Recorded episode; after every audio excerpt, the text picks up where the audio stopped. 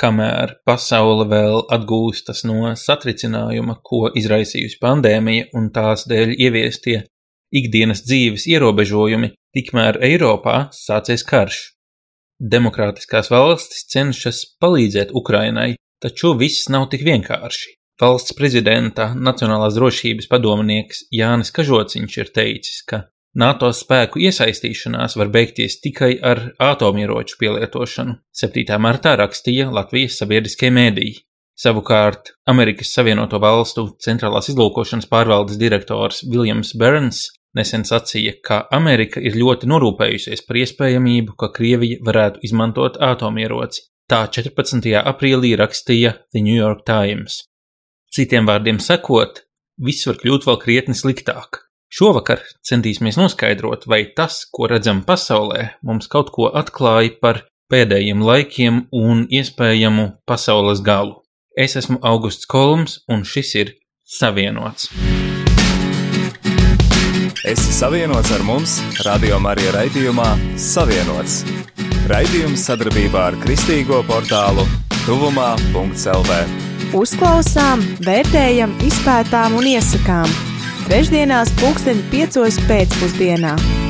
Es esmu savienots!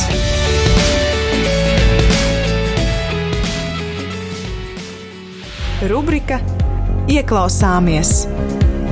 Ar tevi raidījums Savienots! Raidījumā savienots kopā ar mums ir Latvijas Universitātes Humanitāro zinātņu fakultātes profesors, teoloģijas doktors priesteris Jānis Priede. Labvakar!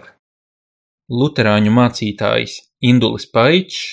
Labvakar visiem!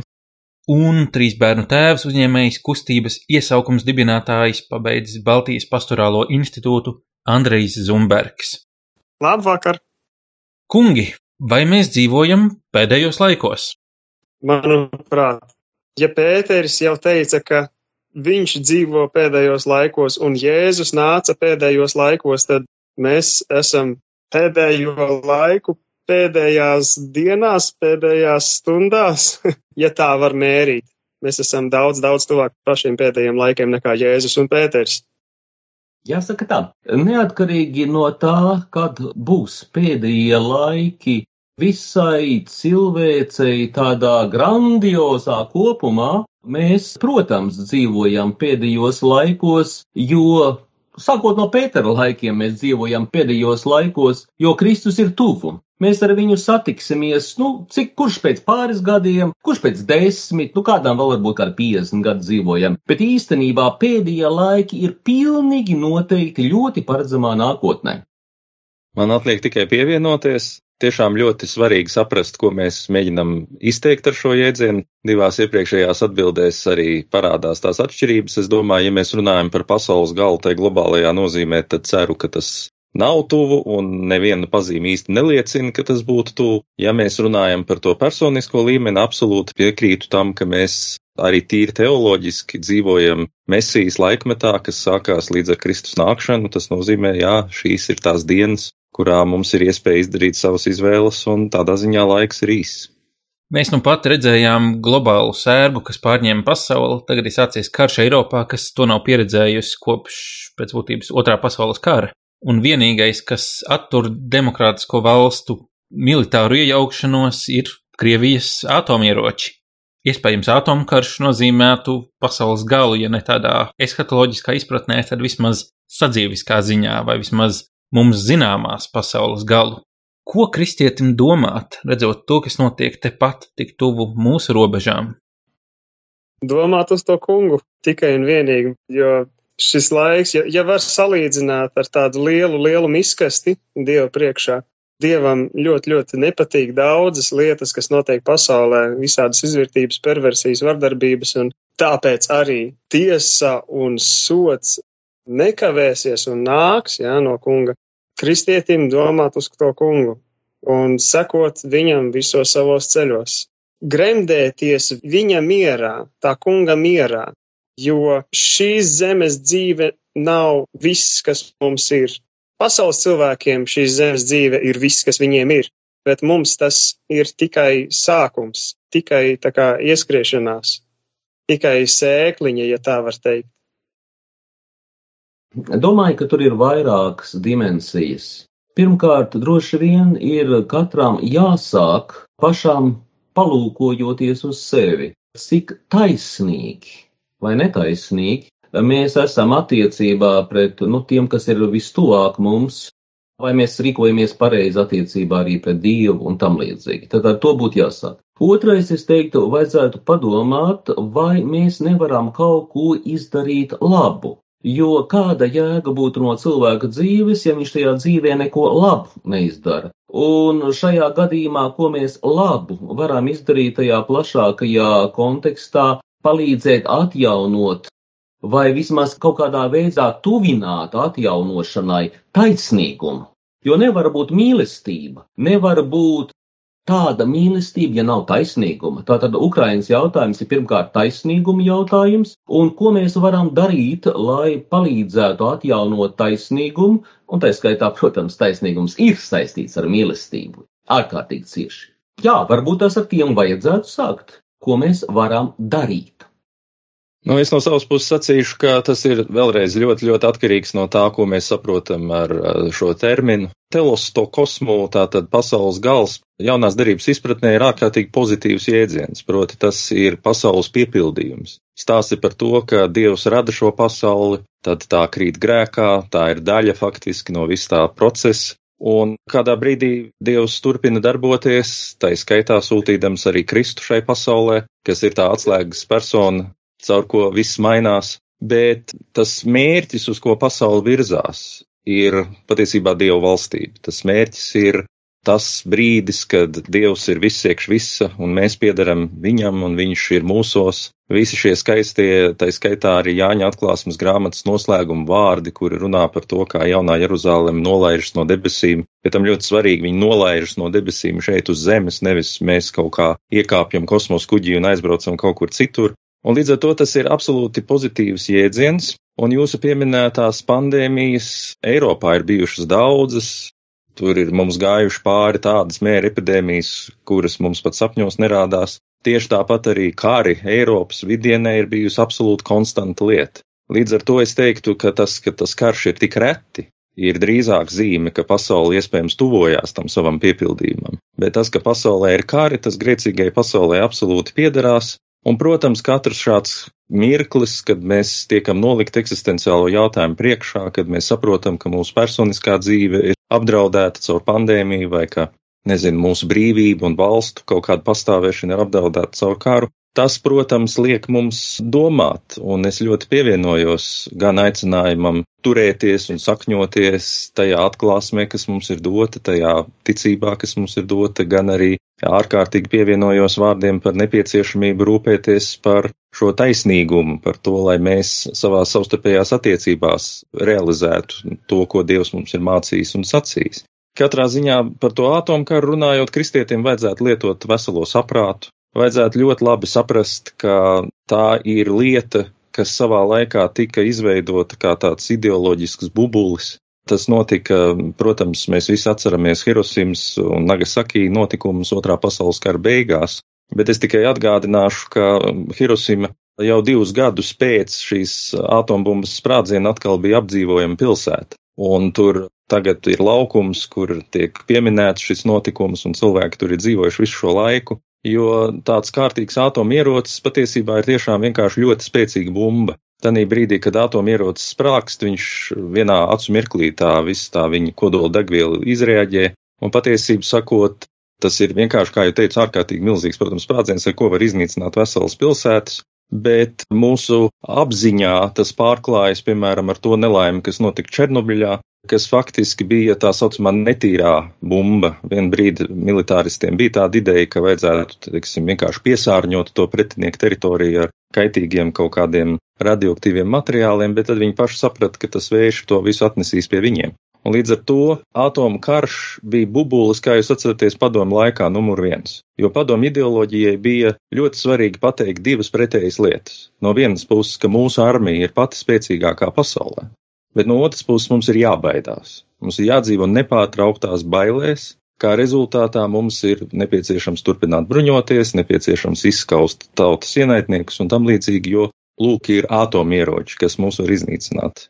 Šobrīd tā situācija pasaulē ir tāda, ka, protams, jebkuriem kodola draudiem arī NATO iet, iekšienē ir absolūti skaidrs atbildes scenārijs. Problēma, protams, ir tāda, ka pat ja kaut vai viena no šādām bumbām uzsprāgst, tas nozīmē ārkārtīgi daudz cilvēku uh, upurus. Un es domāju, ka visas raķetes ir stingri uzskaitītas, visām ir pretī nomērķētas atbildes raķetes, kas to visu mēģinās notriekt. Bet tai pašā laikā, protams, var noiet kaut kas greizi. Un pat ja trīs un četras reizes tu esi visu pārbaudījis, var būt kaut kāds posts, un no tā tad visi baidās un visi sargājās. Un tas ir kļuvis par lūk šo galveno un teju vai nu jau vienīgo biedējumu eh, instrumentu arī tai pašai Krievijai vēl tagad. Jo atkal tieši tas pats mēs netiekam galā ar Ukrainas armiju, kas salīdzinoši nebūtu nav pasaulē tā pati spēcīgākā. Mēs netiekam ar viņu galā. Nu, vienīgais, ar ko mēs varam draudēt, ir, ka mums ir šis superierocis, vai ne, ar kuru mēs varam visus apdraudēt. Un tāpēc es vēlreiz teiktu, ka Ņemsim vērā, ka tas viss ir nopietni, uzticēsimies militāriem profesionāļiem, kas par to domā dienu un nakti, kā jau teicu. Visam tam ir pievērsta uzmanība un viss tas ir labi zināms. Uzticēsimies tam un vienlaikus arī uzticēsimies Dievam, kura rokās mēs beig beigās esam. Un arī, nu, ja mēs tā paskatāmies uz to, kas pirms mirkļa tika teikts, tad jautājums, kā noslēgsies mūsu dzīve, tā iespēja, ka mēs aiziesim bojā atomkarā vai atomkāras sprādzienā, ir nesalīdzinām mazāk nekā mēs varētu vienkārši aiziet bojā autokatastrofā vai tam līdzīgi. Līdz ar to mūsu dzīves gals tiešām ir tuvu, tādā ziņā, ka mūsu dzīvība visu laiku ir Dieva rokās, un mēs nevaram garantēt nevienu mirkli un pielikt nevienu olikti savai dzīvē. Bet es aicinātu nedzīvot bailēs, jo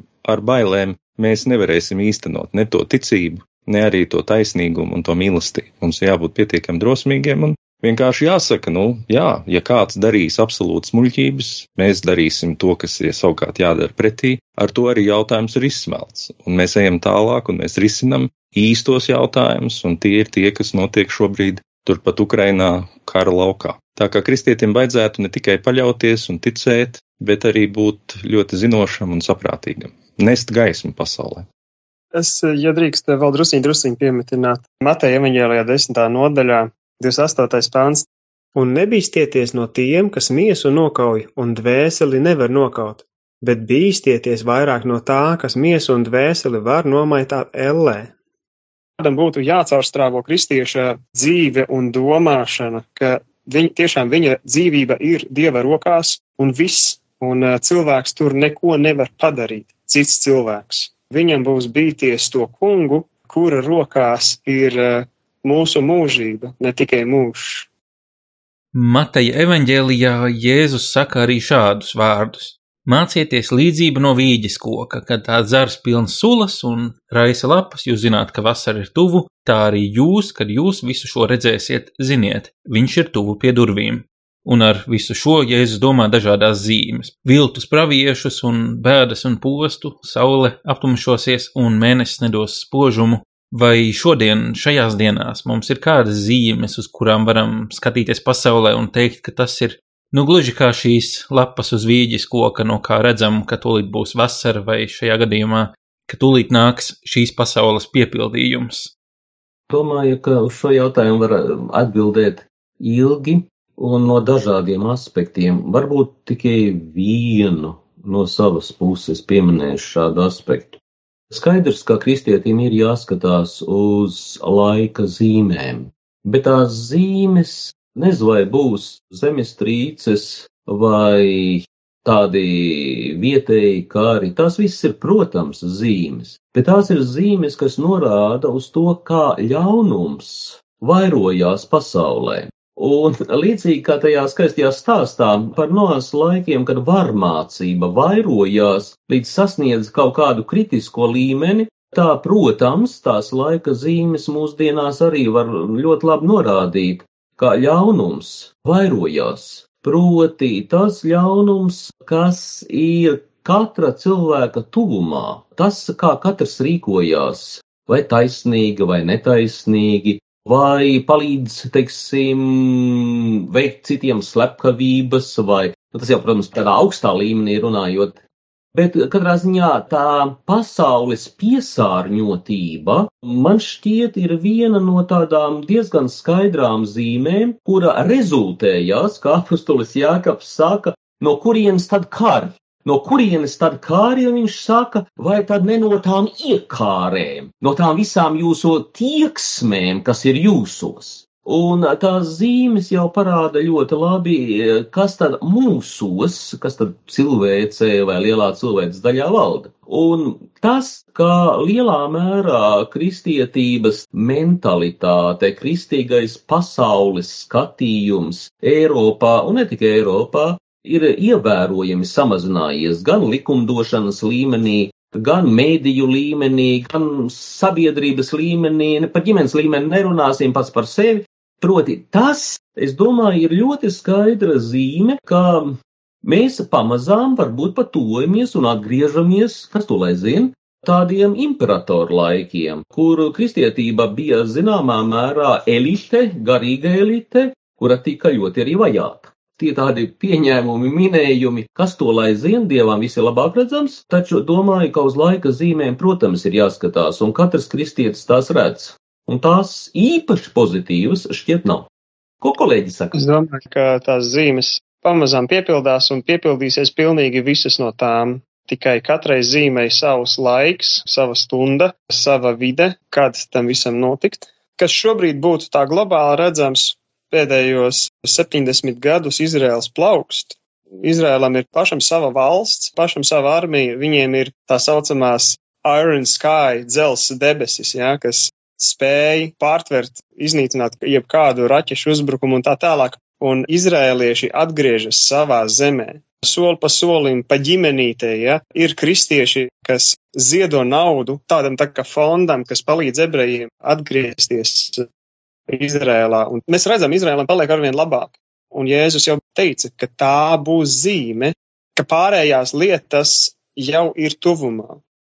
Es pats neesmu, diemžēl, pārbaudījis, bet es dzirdēju no, teiksim, tā pietiekami uzticamā kristietības mācītāja, ka Izrēlā ir bijuši vairāk nekā 40 viltus kristi. Mums šeit Latvijā tādi viltus kristi, tas īsti neatiecas uz mūsu situāciju, jo mēs neesam Izrēls un tāpēc tas nav, teiksim, tā aktuāli, bet Izrēlā tas ir aktuāli, un ja ir bijuši vairāk nekā 40, tas arī liecina, jā, savā veidā par zīmes piepildīšanos, ko Jēzus teica, daudzi nāks manā vārdā, bet neticiet viņiem.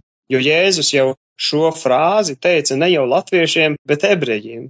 Protams, mēs varam no tā mācīties, bet tas ir ekskluzīvi ebrejiem domāts, manuprāt. Un zīmes pamazām piepildās un piepildīsies visas mums kā kristiešiem pašiem, ja mēs esam modri savā ticībā, ja mēs neguļam, ja mūsu pašu teoloģija mūs neaizmidzina, tad mēs arvien vairāk un vairāk varam ieraudzīt tās zīmes, kas norāda uz Kristus tuvošanos. Bet ir ļoti, ļoti svarīgi tas teoloģijas uzskatu kopums, kam mēs ticam.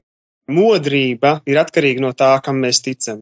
Ir tādi, kas saka, Jēzus, vai tālu vēl tālu, jā, citi saka, nē, tuvu, tuvu, jā, un būsim modri, būsim dedzīgi, steigsim Dievu lūgt. Tie, kas saka tālu, tālu Jēzus, viņi dzīvo savā komfortā, viņi dzīvo tādā iedomātā, drošā burbulītī, ja, manuprāt, un tā ir tāda bīstama spēle, tā ir ģeķīgās jaunavas variants. Mums, kristiešiem, ir jābūt modriem un jāuz, vienmēr jāuzskata, ka Kristus ir pavisam tuvu gandrīz durvju priekšā. Jā, bet man būtu jautājums mācītājam. Ko, teiksim, nu, es domāju, tāds teoloģiski labi fundēts mācītājs teiks par šo mazliet, manuprāt, fundamentālistisko skatījumu, ka migrācijas procesi, kas vērsts uz Izrēlu, ir laiku tāda būtiska zīme. Man personīgi, ļoti personīgi, varbūt šķiet drīzāk, ka tas atgriešanās, Izrēla atgriešanās ir domāta atgriešanās tēva mājās. Tā ir tā pazudušā dēla atgriešanās, tā ir tā laika zīme, par ko arī Jēzus runā un par ko apastols Pāvils runā, ka tad, kad nu, visu tautu kopums būs dzirdējis par Kristu un atgriezies, nu tad atgriezīsies arī, varētu teikt, ebreju tautā saskatīs savas tautas mesiju, proti Jēzu, kas ir bijis, un kā pēdējā pievienosies, un tā būs tā, nu, tāda ļoti, ļoti, ļoti skaidra zīme. Bet tas, ka notiek migrācijas procesi un notiek geju parādes un transvestītu parādas Telavivā un, un, un, un Jeruzalemē, tas tā īpaši neiezīmē, ka tas nu būtu tas, uz ko Dievs aicināja Izraēlu tautu, un arī Heredīm un pārējie, teiksim, tādi ebreju dievbijīgie. Izraēļa tautas atgriešanos nesaist ar šiem politiskajiem migrācijas procesiem. Tā kā, nu, tas ir tāds jautājums, Protams, ka ļoti daudz tādi, teiksim, fundamentālistiski Amerikā migrācijas procesa finansētāji ļoti atbalsta šo gājienu, un tas tā varētu būt, un kādēļ nē. Katrai tautai ir vajadzīga dzimtene, un ebreju tautai vēl jau vairāk, bet vai tas norāda taisnu uz laiku beigām? Nu, grūti pateikt. Tā kā tas ir jautājums man uh, mācītājiem Indulim. Ko viņš saka? Paldies! Ko es varu daudz teikt? Es gribu vēlreiz tad patsvītrot, ka tas mērķis, uz ko mēs virzamies, ir ļoti pozitīvs, bet Jēzus mūs ir brīdinājis, ka pirms šis mērķis tiks sasniegts, vecā pasaule, vecā lietu kārtība, griecīgā pasaule piedzīvos dzemdību sāpes, respektīvi tā būs tāda izšķiroša, ļoti smaga cīņa, un līdz ar to būs ļoti lieli pretstati. Un man likās ļoti interesanti tajās jūsu abu divu kolēģu pieminētajās zīmēs iezīmējās abi divi šie aspekti. No vienas puses, mēs varam skatīties uz šīm zīmēm no negatīvās puses un teikt, ka reku pasaule virzās pretī aizvien lielākām tādām problēmām, problēmas ir aizvien smagākas, viņas ir aizvien visaptverošākas, globālākas, kas varētu liecināt tiešām, nu, ka mēs tuvojamies kaut kā tam mirklim, kad mēs vispār spēsim kā cilvēks funkcionēt daudz maz kā viens vesels, un tas ir vēl arī diezgan tāls mērķis, bet uh, ir pazīmes, kas to liecina, un dažas no tām jau tika pieminētas. No otras puses, mēs varam skatīties uz tām pozitīvajām zīmēm. Un tas tika pieminēts arī šeit, vai ne? Un arī pašos Jēzus vārdos viņš saka, tā, ka jau plauks tur lapas, te jūs zināt, ka ražas laiks ir klāt. Tātad, respektīvi, mēs redzam kaut kādus pirmos auglīšus, pirmos aizmetņus, ka tiešām kaut kas pozitīvs notiek. Un es absolūti pievienojos priesteru sacītajam, ka es arī viennozīmīgi skatītos uz Jēzus vārdiem par Izrēlu un par visu to, kas tur notiks, tieši kristietības kontekstā, tieši viņa atnestās atklāsmes kontekstā. Un jāpievienojos domai, ka ne ar kādiem ārējiem pasākumiem, proti kaut kā veicinot šo migrāciju, reimigrāciju atpakaļ Izrēlā vai, vai vienkārši saplūšanu tur, ko daži mēģina darīt, nu, lai it kā tuvinātu to pasaules piepildījumu. Ar to mēs neko nebūsim panākuši. Tas tiešām ir šis garīgais process. Es absolūti viennozīmīgi pievienojos tam vērtējumam, ka tā ir atgriešanās tēva namā.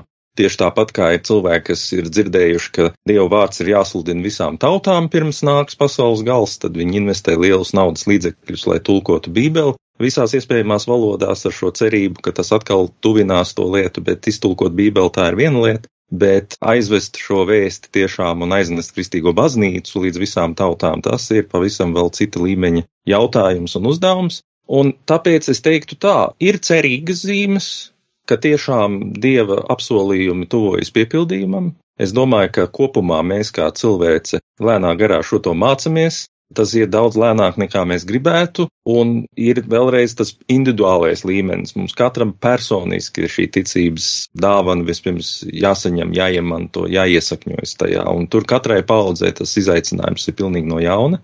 Un ir, protams, kā jau teicu, arī šīs biedējošās zīmes, kas liecina par to, ka priekšā ir nemazums izaicinājumu. Jo tā ideja ir tāda, jo vairāk cilvēks spēj, jo vairāk viņam tiek dots, jo vairāk no viņa ir arī atbildība ja mums ir atomieroči, tad mēs pēkšņi saprotam, ka mēs varam iznīcināt tur veselas pilsētas un veselas valstis un varbūt vēl vairāk. Līdz ar to tas, kā mēs spēsim savaldīt iepriekš pieminētās kaislības, tad, kad man roka stāv uz sarkanās podziņas, ir vēl daudz nopietnāks jautājums nekā tad, ja man vienkārši rokā ir koka nūja, un tad ir jautājums, vai es savaldīšu savas emocijas un savas kaislības. Līdz ar to es domāju, ka jā, tā ir taisnība, ka skatoties uz notikumiem pasaulē, ir pamats baidīties, ka šīs cīņas un problēmas un izaicinājumi būs aizvien lielāki. Bet tas, ko Kristus mums saka, tā, ka jūs redzat visas tās biedējošās zīmes, tad celiet uz augšu savas galvas, jo jūs zinat, ka jūsu pestīšanas diena tuvojas.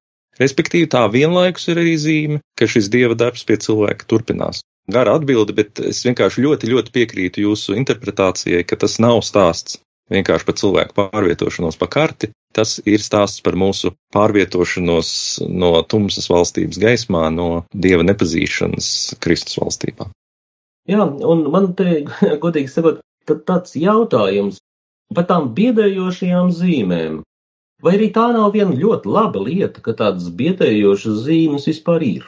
Jo tās reizēm liek cilvēkam padomāt. Ir jau, protams, mīlestība, kas liek cilvēkam domāt, un tas ir optimālais variants, ka cilvēks, nu, dara labu un domā arī par sevi un citiem aiz mīlestības. Bet eh, sliktākajā gadījumā, ja viņam ir bail, ka neieliks cietumā, tas arī nemaz nav tik slikti. Un šajā gadījumā Domājot par to, ka, nu, ja tādu nelielu atombumbu uzmetīs uz Rīgas, tad pirmajā piegājienā ies bojā 80% rīdzinieku. Nu, tie 20, no tiem kādi pieci izdzīvos ilgi, daļa nomirs pēc pāris gadiem. Bet principā tāda doma, ka mūsu dzīve tādā diedziņā karajās. Un ka pat ja mēs aizbrauksim un tagad fiks aizmuksim uz Austrāliju, nu vienalga tas diedziņš vienu dienu pārtrūks laikam tā doma, varētu teikt, gandrīz vai tādas pastarās dienas gaidas, dažiem vienkāršiem cilvēkiem var, manuprāt, palīdzēt apjēgt, kādā purvā viens otrs sēž šajā brīdī, un ka varbūt no tā purva varētu fikstā izlīst ārā un kaut ko darīt lietas labā. Nu, ja pēkšņi atombumba arī uzkrīt, tad lai būtu perspektīva. Jo, kā, jo, kā te bija teikt, nu tad baidieties no tiem, kas spēj arī ne tikai miesu pazudināt, ja? ne tikai no tās atombumbas vien, bet baidieties no tiem, kas var arī dvēseli jā, pazudināt, un tas nav Dievs. Dievs nevienu nepazudina.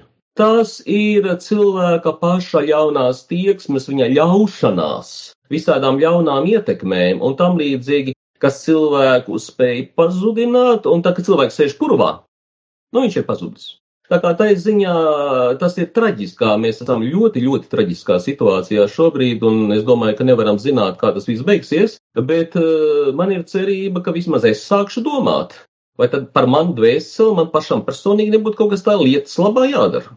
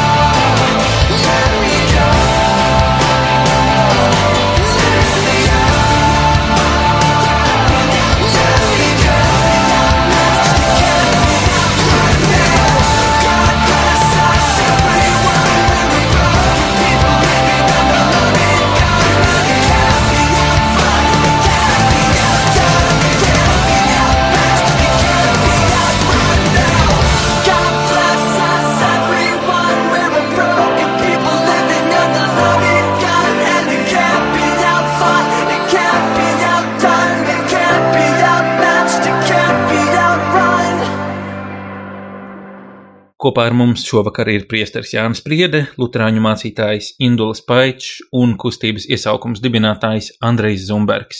Runājam par pēdējiem laikiem un pasaules galu. Es atļaušos nonākt muļķē lomā.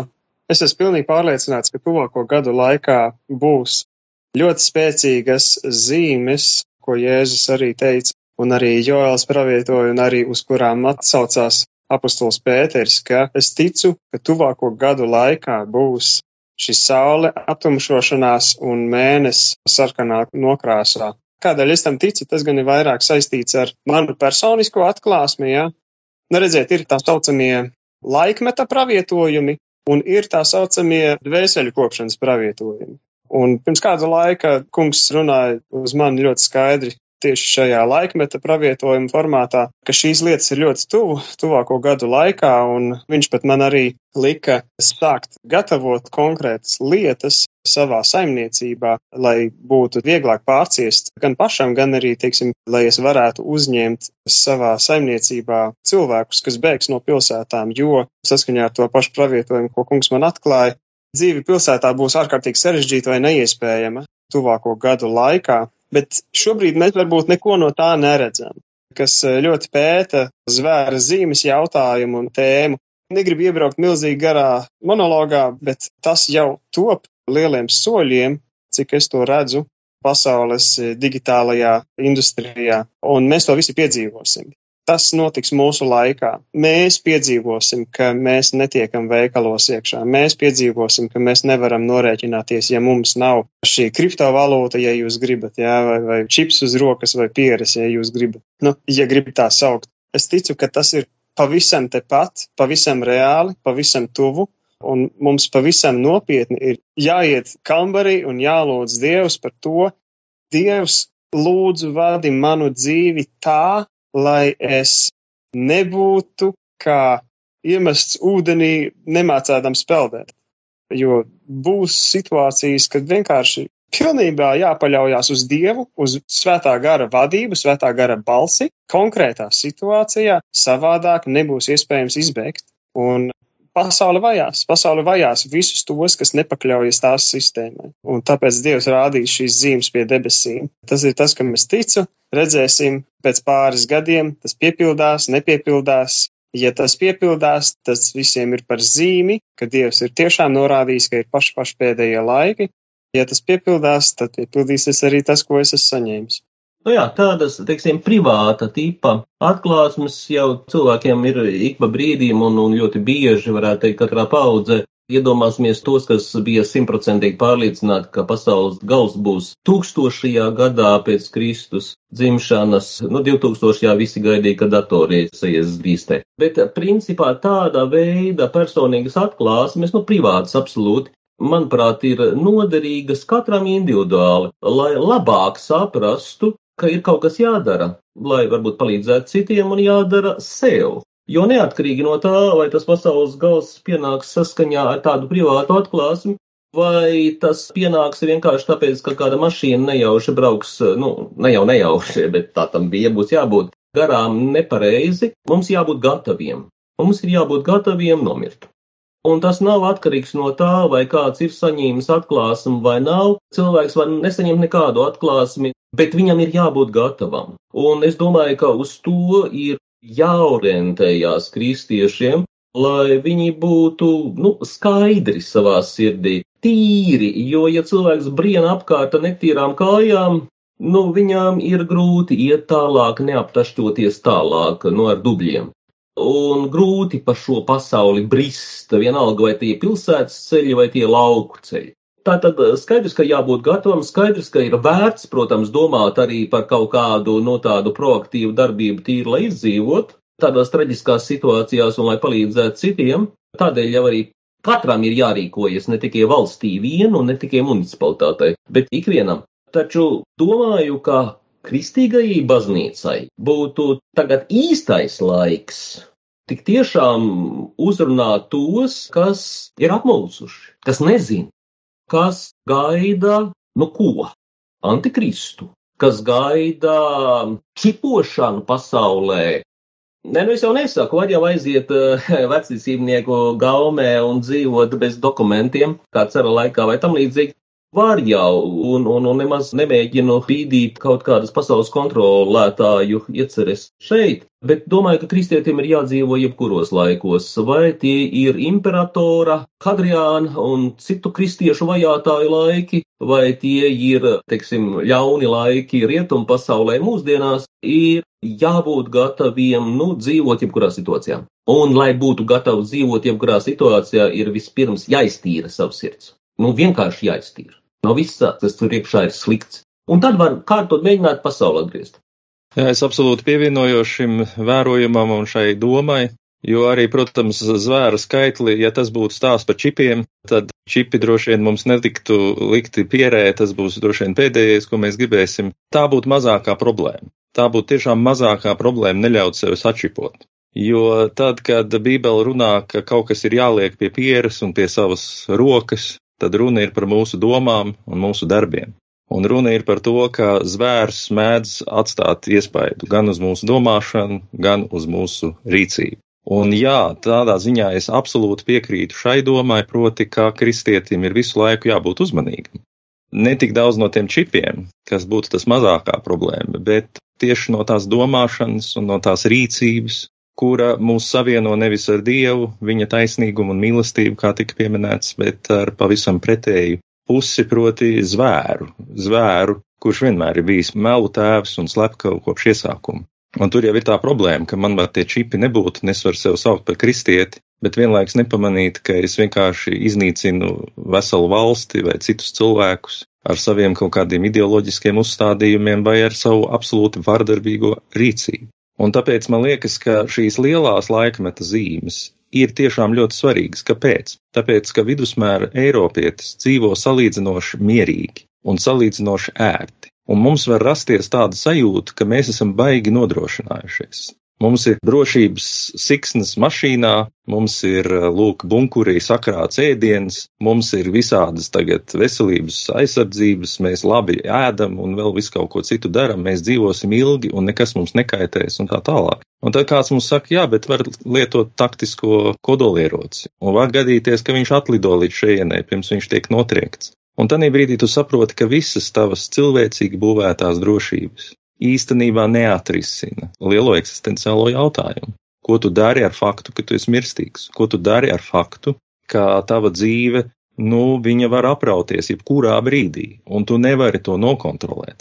Un no šāda viedokļa, jā, es nevienu speciāli nebiedēju, es domāju, ka cilvēki jau tāpat ir nobijušies, bet te pašā laikā es piekritīšu arī tai domai, ka Kādreiz tas var mūs ļoti pamodināt. Un cilvēki jautā, pagaidi, ko tad tagad mēs darīt varam? Mēs varam tur, zini, uz daudz ko paļauties, bet pēkšņi mēs esam pamanījuši tādas briesmas, ko mēs nevaram nokontrolēt. Un jā, tas var būt labs iegansts, sākt pa īstam risināt savus jautājumus, un pie savas pieres un labās rokas vai kreisās rokas nevis tur čipus nelikt, nevis tās kastītes, ko ebreji tur lika, atceraties, tas jau viņam bija tas bauslis uzrakstīt tos vārdus, ka tas kungs ir vienīgais dievs un likt to pie savas pieres un pie savas rokas, un jūs zināt, vai ne, to viņu tradīciju, ka viņi lūdzās šādā ļoti uzskatāmā veidā, tur tagad liekot tajā kastītē tos vārdus.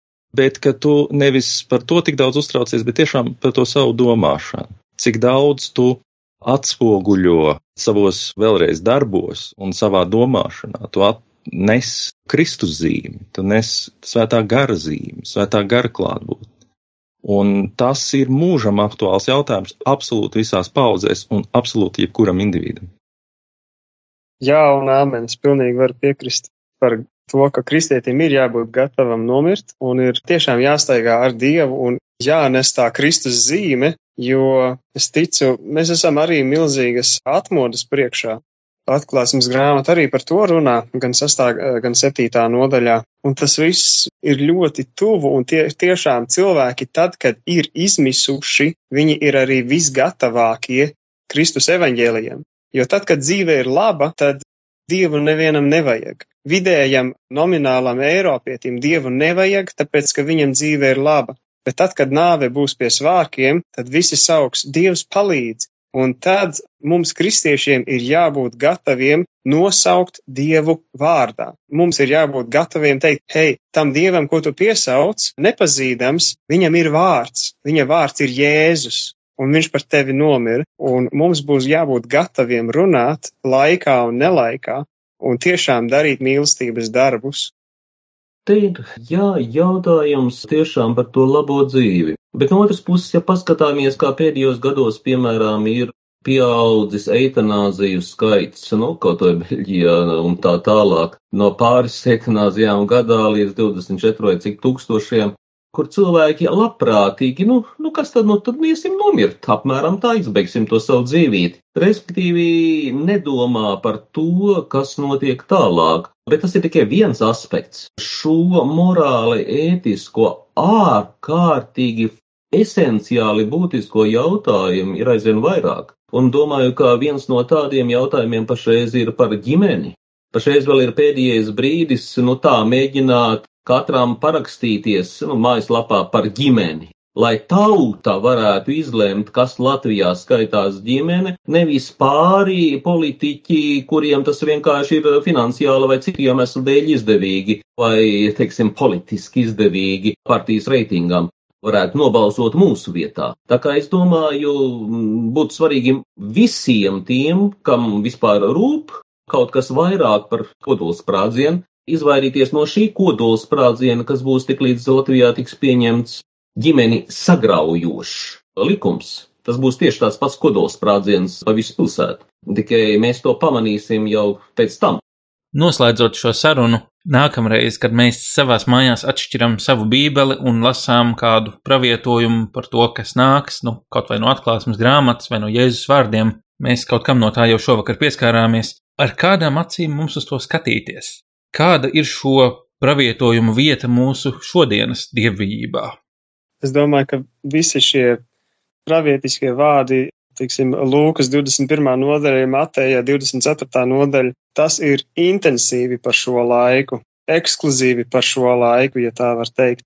Un mums kā kristiešiem ir pat jācenšas saskatīt, hei, tas atbilst un tas atbilst un tas, bet kā šī tas atbilst? Bet nu labi, ejam tālāk. Ā, un šis atbilst, ja? tā kā kurbulēt savu nomodu, jo es ticu, ir labāk pārspīlēt ar pēdējo laiku lietām nekā nogulēt tās. Jo Jēzus daudz vairāk ir brīdinājis par nogulēšanu nekā par pārspīlēšanu. Jo tas, kas pārspīlē, viņš ir vismaz pareizā virzienā, varbūt viņam ir nepilnīga izpratne, ja?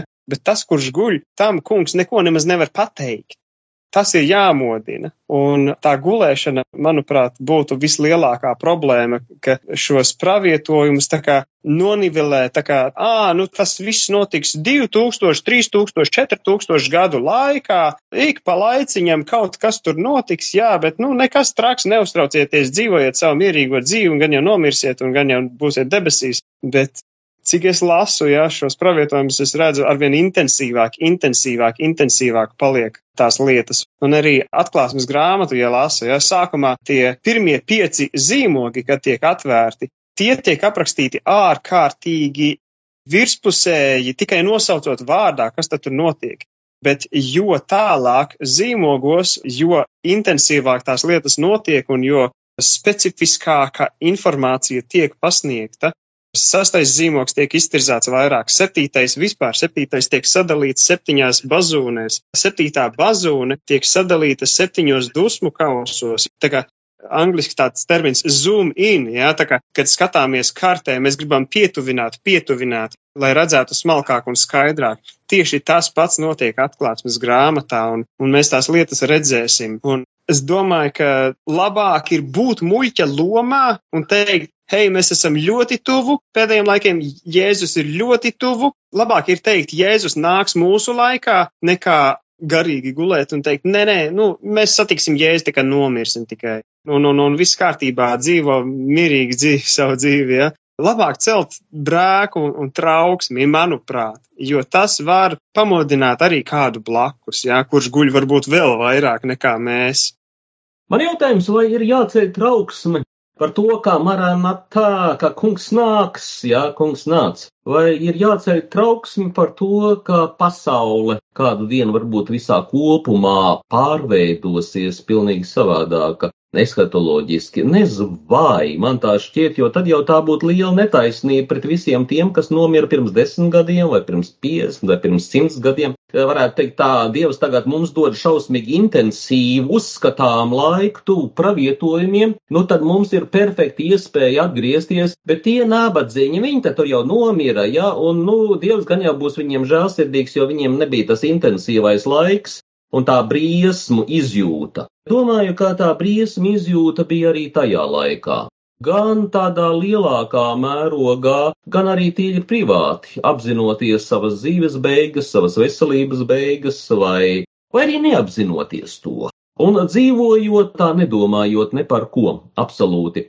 Nezinu, vai tur ir liela starpība tādā plašākā sociālā sabiedrības līmeņa nu, kontekstā. Domāju, ka gan tagad, gan toreiz, pirms 10, 20 gadiem, ir cilvēki, kas tikpat intensīvi gaida savu personīgo tikšanos ar Jēzu, un visos laikos cilvēki ir lūgušies tādu lūgšanu par labu nāvi. Mūsdienās izklausās šausmīgi anahroniski, bet lūgt sev, lai Dievs dāvina labu nāvi. Un ko tas nozīmē? Nevis tādu, ka nekas nesāp, un tā aiziet tā, ka nepamanā, tikai tā, nu, iemīga un gatavs. Nu, tā būtu laba nāve, vienam otram šķistu mūsdienās, bet, nu, laba nāve no baznīcas pirmsākumiem ir tāda, ka cilvēkam ir dots laiks pirms tam to savu dzīvi pārskatīt pašam, nožēlot Nu, un, teiksim, katoļu pareizīgajā baznīcā vai senajās baznīcās arī pie grēksūdzes aiziet, proti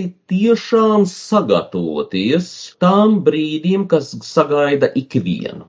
Neatkarīgi no tā, vai tā būs atombumba, vai tas būs vienkārši kaimiņš, kas mazliet izdomājis, nu tā, uzdzīvot uz mūsu rēķina, nejauši mūs nogalinājis. Vai arī slimība, kas mūs paņems ļoti ātri. Nu, cik tad vēl gadi katram no 20 varbūt. Tā kā principā, ja mēs gatavotos tā uz labu nāvi, proti nomirt esot labiem kristiešiem, nomirt labiem cilvēkiem, tad tas, man liekas, būtu optimālais, ko ik viens varētu izdarīt, nemaz nedomājot par, nu, to intensīviem pravietojumiem. Pravietojumi noder, jā, viņi varbūt cilvēku sagatavo mazliet, un visos laikos tās pasaules gaidas ir citus veduši pie labām lietām, un citus veduši pie uzdzīvošanas. Nu, tā kā visi iet bojā tik un tā, nu tad es jau varu uzdzīvot, nu nospiest to sarkano podziņu, jo tik un tā jau visi ies bojā. Tā kā tas ir mans skatījums, ka vajadzētu gatavoties pirmkārt individuāli, un otrkārt domāt, ko mēs varam palīdzēt, reāli palīdzēt tiem, kam šobrīd nav labi tie, kuri cieš netaisnības dēļ, tāpat kā, piemēram, tie ukraiņu bēgļi kaut vai, ko mēs reāli varam palīdzēt, jo Kristus neskatīsies uz tā, cik intensīvi mēs esam gaidījuši pasaules galu un kā mēs esam sapratuši viņu zīmes, bet viņi skatīsies, vai mēs reāli esam kādam un cikiem palīdzējuši. Reāli. Jā, no, no savas puses arī uz to jautājumu atbildot, pravietojums ir jātver nopietni bet viņi nav jātver burtiski. Lielākoties tās ir vīzijas, tie ir tēli, tās ir metafāras, un tieši tad, kad mēs paņemam metaforu burtiski, mēs paliekam par nelgām. Nu, tas tā kā, piemēram, mēs varētu sacīt šobrīd lielais brūnais lācis no austrumiem ir izpletis savu rīkli un uzbrūk saviem kaimiņiem. Nu, ja mēs šādu formulējumu pasakam, tad mēs taču saprotam, par ko mēs runājam. Mēs runājam par konkrētu valsti, par konkrētu režīmu, par konkrētiem politiskiem notikumiem. Pēdējā lieta, ko mums vajadzētu, ir tagad uzcelt kaut kādu vietu, kur mēs lāčus pētam un mēģinam atpazīt kaut kā burtiski tās lietas. Līdz ar to visi šie pravietojumi ir jāsaprot jau pieminētajās eksistenciālajās ticības kategorijās. Tas ir tiešām stāsts par mūsu principiālo piederību Kristum un Dievam, Un tieši tad, kad to tu redzi, ka jautājums nav par čipiem, jautājums nav par vakcinācijām, jautājums nav par kaut kādām ārējām lietām, kas nāk un iet, un vienmēr cilvēki ir redzējuši, kā šie pravietojumi piepildās pēc pieciem mirkļiem. Bet tas jautājums ir par tavu domāšanu, par šīm pieminētajām kaislībām, par šo praktisko palīdzību. Un tad pēkšņi šie pravietojumi kļūs nopietni, jo viņi reāli runā par mums, par tagadni, par mūsu dzīvi, par mūsu atbildībām.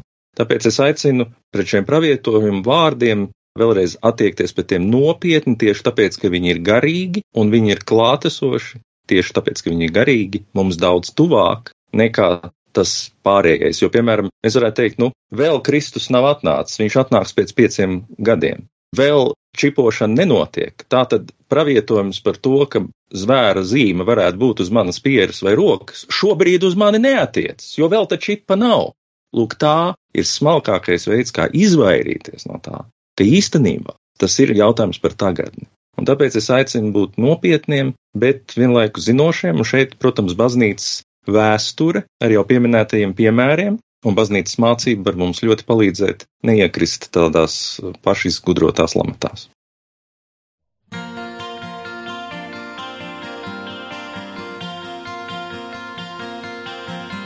They say must end somehow. They say the end's not far from now. I think they're wrong. Don't worry your life away. Start living for today. Don't think about tomorrow.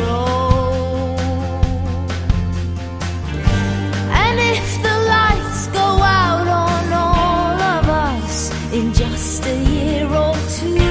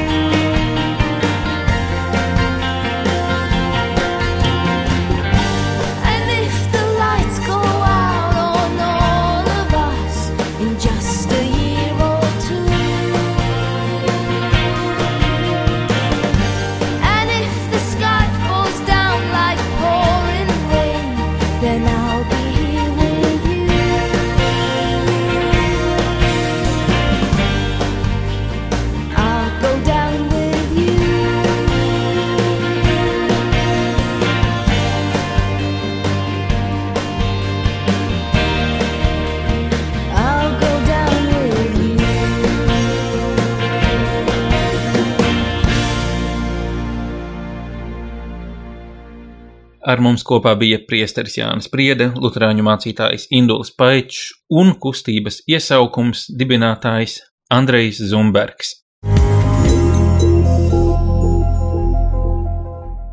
Raidījumu savienots var klausīties arhīvā, Apple podkāsts un Spotify. Iepriekšējā raidījumā varēja dzirdēt manu reportāžu no Ukrainas bēgļu uzņemšanas centra Helmā, Polijā. Šo reportāžu var noklausīties, bet arī noskatīties Tuvumā LV YouTube kanālā un Facebook lapā, meklējot nosaukumu Bēgļi un brīvprātīgie stāsti no Ukrainas robežas. Es esmu Augusts Kolums, un šis bija Savienots.